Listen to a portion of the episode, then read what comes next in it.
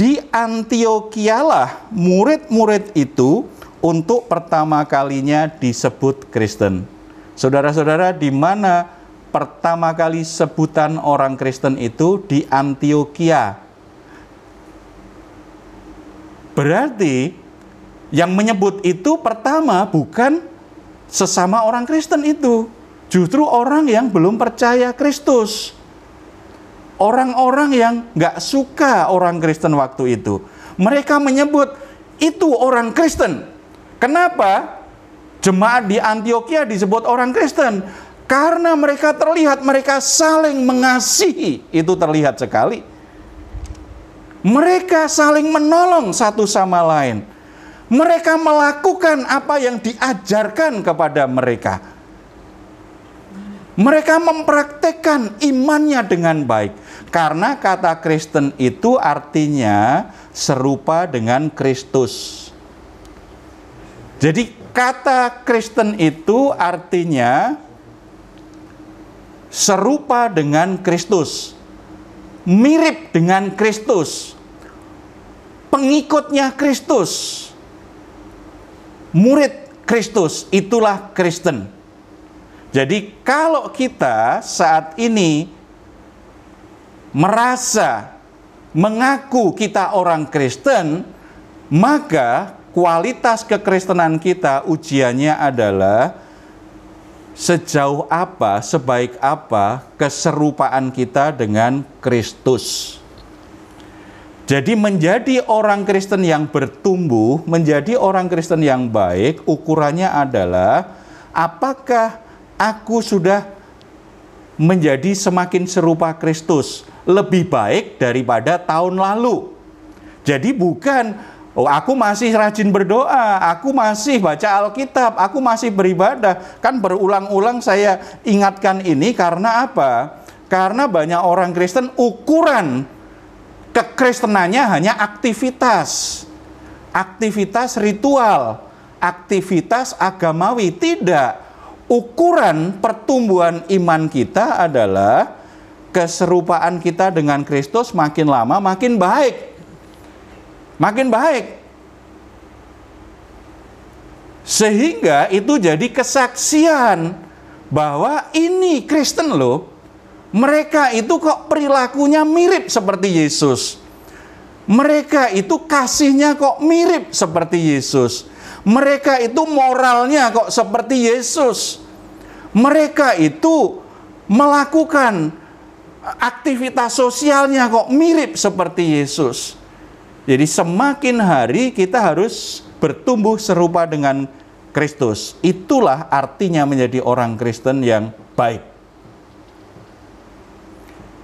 Tolong menolong itu bagian dari menjadi serupa dengan Kristus. Mereka tidak hanya saling menolong secara rohani supaya saling bertumbuh, supaya saling uh, kuat, supaya mereka bisa semakin kuat secara rohani, tetapi mereka juga peduli juga dengan kebutuhan yang lain.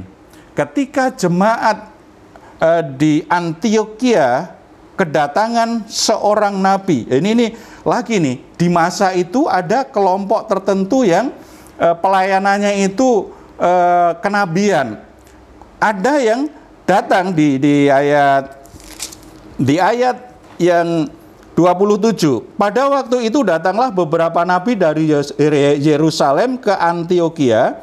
Seorang dari mereka yang bernama Agabus bangkit dan oleh kuasa roh ia mengatakan bahwa seluruh dunia akan ditimpa bahaya kelaparan yang besar.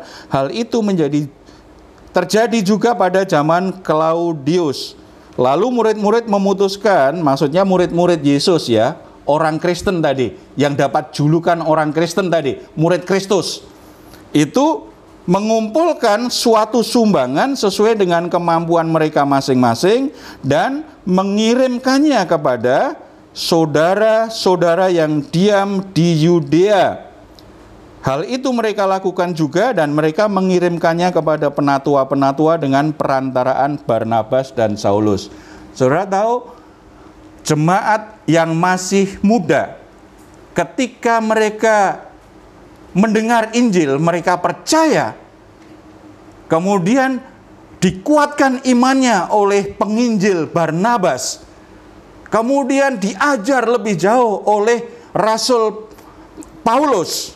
Mereka lakukan apa saja yang diajarkan itu. Mereka bertekun betul dalam pengajaran para rasul dan mempraktekannya. Ketika mereka mulai bertumbuh seperti itu, mereka dengar kabar bahwa akan ada bencana ini. Ada kesulitan melanda banyak tempat. Mereka teringat kepada orang-orang Kristen, jemaat Kristus yang ada di Yerusalem.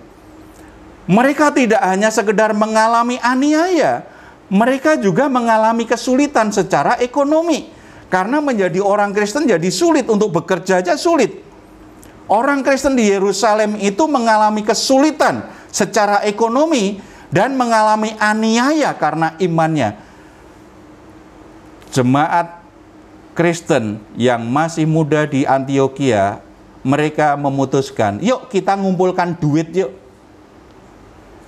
Keadaan kita lebih baik daripada saudara-saudara seiman kita yang di Yerusalem lebih baik daripada kakak-kakak rohani kita di Yerusalem.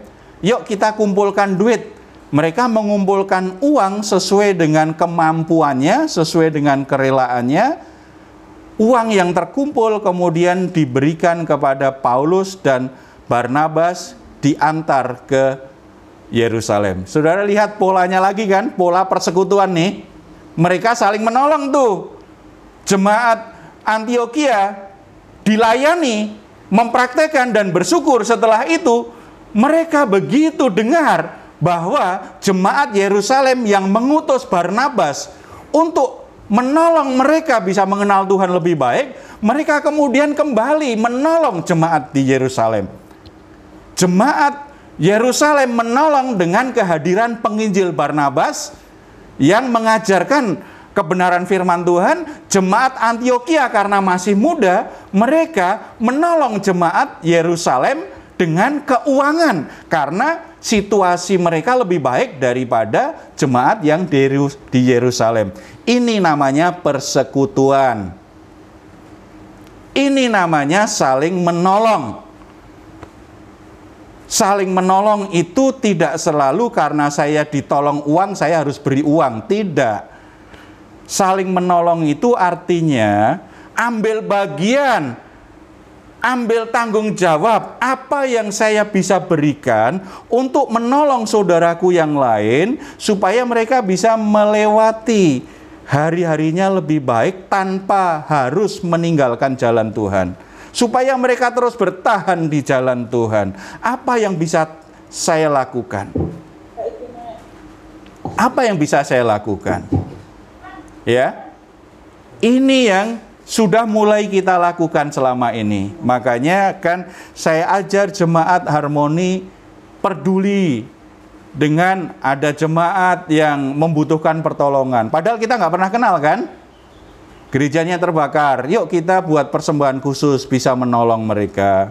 Kita dengar dulu, kita juga pernah tuh ada satu jemaat kalau hujan kebanjiran tuh. Yuk kita ngumpulkan dana, kita uh, kita bantu belikan kursi ke mereka. Lalu uh, kita pernah kumpulin juga kan dana, yuk kita belikan kipas angin sebuah gereja yang membutuhkannya. Kita belajar sebenarnya karena kita dapat sebelumnya mungkin kita diberkati, sebelumnya mungkin kita dapat sesuatu. Saudara, ini yang yang yang namanya persekutuan, yang disebut persekutuan ada partisipasi aktif. Satu sama lain mau ambil tanggung jawab. Apa yang bisa aku berikan untuk menolong orang lain? Sebagaimana aku juga pernah ditolong. Apa sekarang yang bisa aku lakukan untuk menolong orang lain? Ini yang namanya orang Kristen yang baik, penuh Roh Kudus dan iman. Tumbuh kualitasnya seperti Barnabas dan jemaat mula-mula. Diaspora harus diikuti dengan harmoni. Harmoni dalam harmoni di situlah saling menolong itu tetap dilakukan walaupun jarang ketemu. Jemaat Antioquia dan jemaat Yerusalem sudah menunjukkannya. Sebelum saya akhiri, mari kita lihat Galatia. Galatia pasal 6.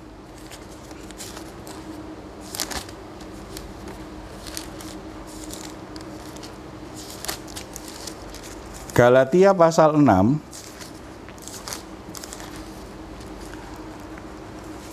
ayat 2. Ayat 2. Ya, saudara juga boleh baca ya di rumah. Mari kita baca sama-sama. Bertolong-tolonglah menanggung bebanmu, demikianlah kamu memenuhi hukum Kristus. Orang Kristen adalah murid Kristus. Hidupnya dasarnya adalah hukum Kristus. Pengajaran Kristus. Bagaimana cara memenuhi hukum Kristus? Salah satunya yang Alkitab ajarkan apa? Bertolong-tolonglanlah menanggung bebanmu. Saudara-saudara, secara intern di jemaat harmoni mari kita praktekkan. Kita bertolong-tolongan menanggung beban. Ada saatnya ada saudara kita yang lain bebannya apa? Karena ada pergumulan rumah tangga apa yang bisa kita tolong? Kita bisa hadir seperti Barnabas, anak penghiburan itu, memberi penghiburan, menguatkan iman mereka supaya mereka tidak menyerah dengan pergumulan beban rumah tangganya. Mungkin ada saudara kita yang lain bebannya apa? Soal pekerjaan. Kita bisa hadir menanggung bebannya dengan cara apa? Selain kita memberi penguatan, memberi nasihat, mungkin kita juga bisa mencari informasi pekerjaan yang lain. Bukan sekedar supaya kalau pas kebetulan ada informasi, enggak. Ketika kita mendengar ada saudara kita sedang bergumul dengan pekerjaan, mencari pekerjaan, mungkin kita enggak punya pekerjaan itu. Kita bisa secara aktif mencari informasi yang mungkin dibutuhkan oleh saudara kita, supaya saudara kita ini tahu ada kesempatan apa yang dia bisa coba untuk bisa bekerja. Atau ada orang yang sedang terpuruk secara ekonomi, secara keuangan. Kita bisa menolong, ambil, mengambil apa? Menanggung bebannya dengan apa? Membantu secara keuangan Mungkin ada saudara kita yang dibebani dengan dosa, dengan kebiasaan buruk, dan dia sulit untuk lepas dari situ. Apa yang bisa kita tolong untuk menolong dia? Beri nasihat, beri semangat bahwa di dalam Kristus dia orang yang lebih dari pemenang, dia pasti bisa tinggalkan itu. Kemudian doakan dia dampingi dia supaya dia bisa keluar dari ikatan dosanya. Jadi beban apa yang ada di saudara-saudara kita, beban apa yang kita alami. Kalau Tuhan sudah selamatkan kita, Tuhan sudah satukan kita dalam persekutuan orang percaya. Baiklah kita mempraktekkan hukum Kristus, yaitu bertolong-tolongan. Kalau kita lakukan seperti itu, saudara, kita berarti sedang fokus di jalan Tuhan. Kita sedang ada di rencana Tuhan. Ketika kita ada di jalan Tuhan, kita fokus di rencana Tuhan. Tangan Tuhan menyertai kita. Tangan Tuhan yang kuat itu menyertai kita. Bahkan saya bisa katakan, kadang-kadang kita itu baru batin, belum doa. Tuhan sudah bekerja loh. Karena tangan Tuhan menyertai. Kuasa Tuhan menyertai, kasih Tuhan menyertai. Jadi kalau tangan Tuhan menyertai, kesulitan apa yang tidak bisa kita hadapi? Masalah apa yang tidak bisa kita selesaikan? Pintu apa yang tidak bisa dibuka oleh Tuhan? Tidak ada sesuatu yang tetap terus membebani hidup kita. Kalau Tuhan menyertai, semuanya pasti ada pertolongan dan jalan keluar dari Tuhan. Mari apa pun kondisi di mana pun kita berada, walaupun kita tersebar nih, tetapi kita tetap jaga harmonisasi dalam persekutuan kita. Kita tetap buka telinga, buka mata, cari informasi. Kalau ada saudara kita dalam pergumulan membutuhkan pertolongan, mereka terbeban apa, atau kita punya beban, mari kita saling berbagi, mari kita saling mendoakan, mari kita bisa menolong apa, saling menolong seperti apa. Kita berdoa. Mari bersatu dalam doa.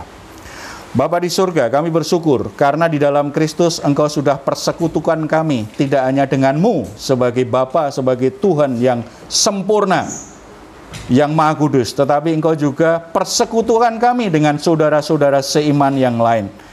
Menjadi satu tubuh di dalam Yesus Kristus, menjadi satu keluarga Allah. Hidup kami, termasuk masalah-masalah kami, sebenarnya itu menjadi bagian dari masalah keluargamu, keluarga rohani kami, menjadi bagian dari masalah saudara-saudara kami. Satu sama lain, biarlah kami mulai saat ini bisa memenuhi hukum Kristus dengan cara saling menolong satu sama lain. Kami tidak punya semuanya, kami tidak mampu lakukan semuanya. Kami membutuhkan orang lain. Demikian juga apa yang ada pada kami dibutuhkan saudara kami yang lain. Dan itu menjadi kepanjangan tangan Tuhan supaya melalui hidup kami ada banyak saudara yang bisa ditolong, ada banyak saudara yang akhirnya tetap mampu bertahan di jalan Tuhan, mendapatkan pertolongan Tuhan. Roh Kudus memberi pengertian lebih lanjut kepada kami supaya kami semakin mengerti kebenaran firman Tuhan ini dan semakin bisa melakukannya.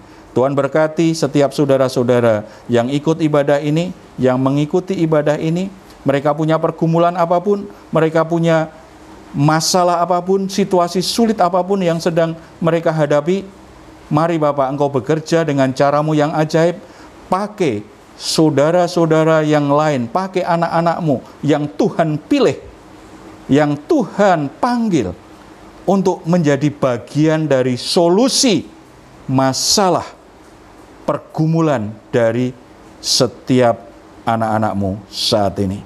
Kami sangat percaya ketika ini terjadi, ketika hukum Kristus sungguh-sungguh dipraktekkan, maka semua orang akan mengalami jamahan tangan Tuhan yang berkuasa, jamahan Tuhan yang penuh kasih.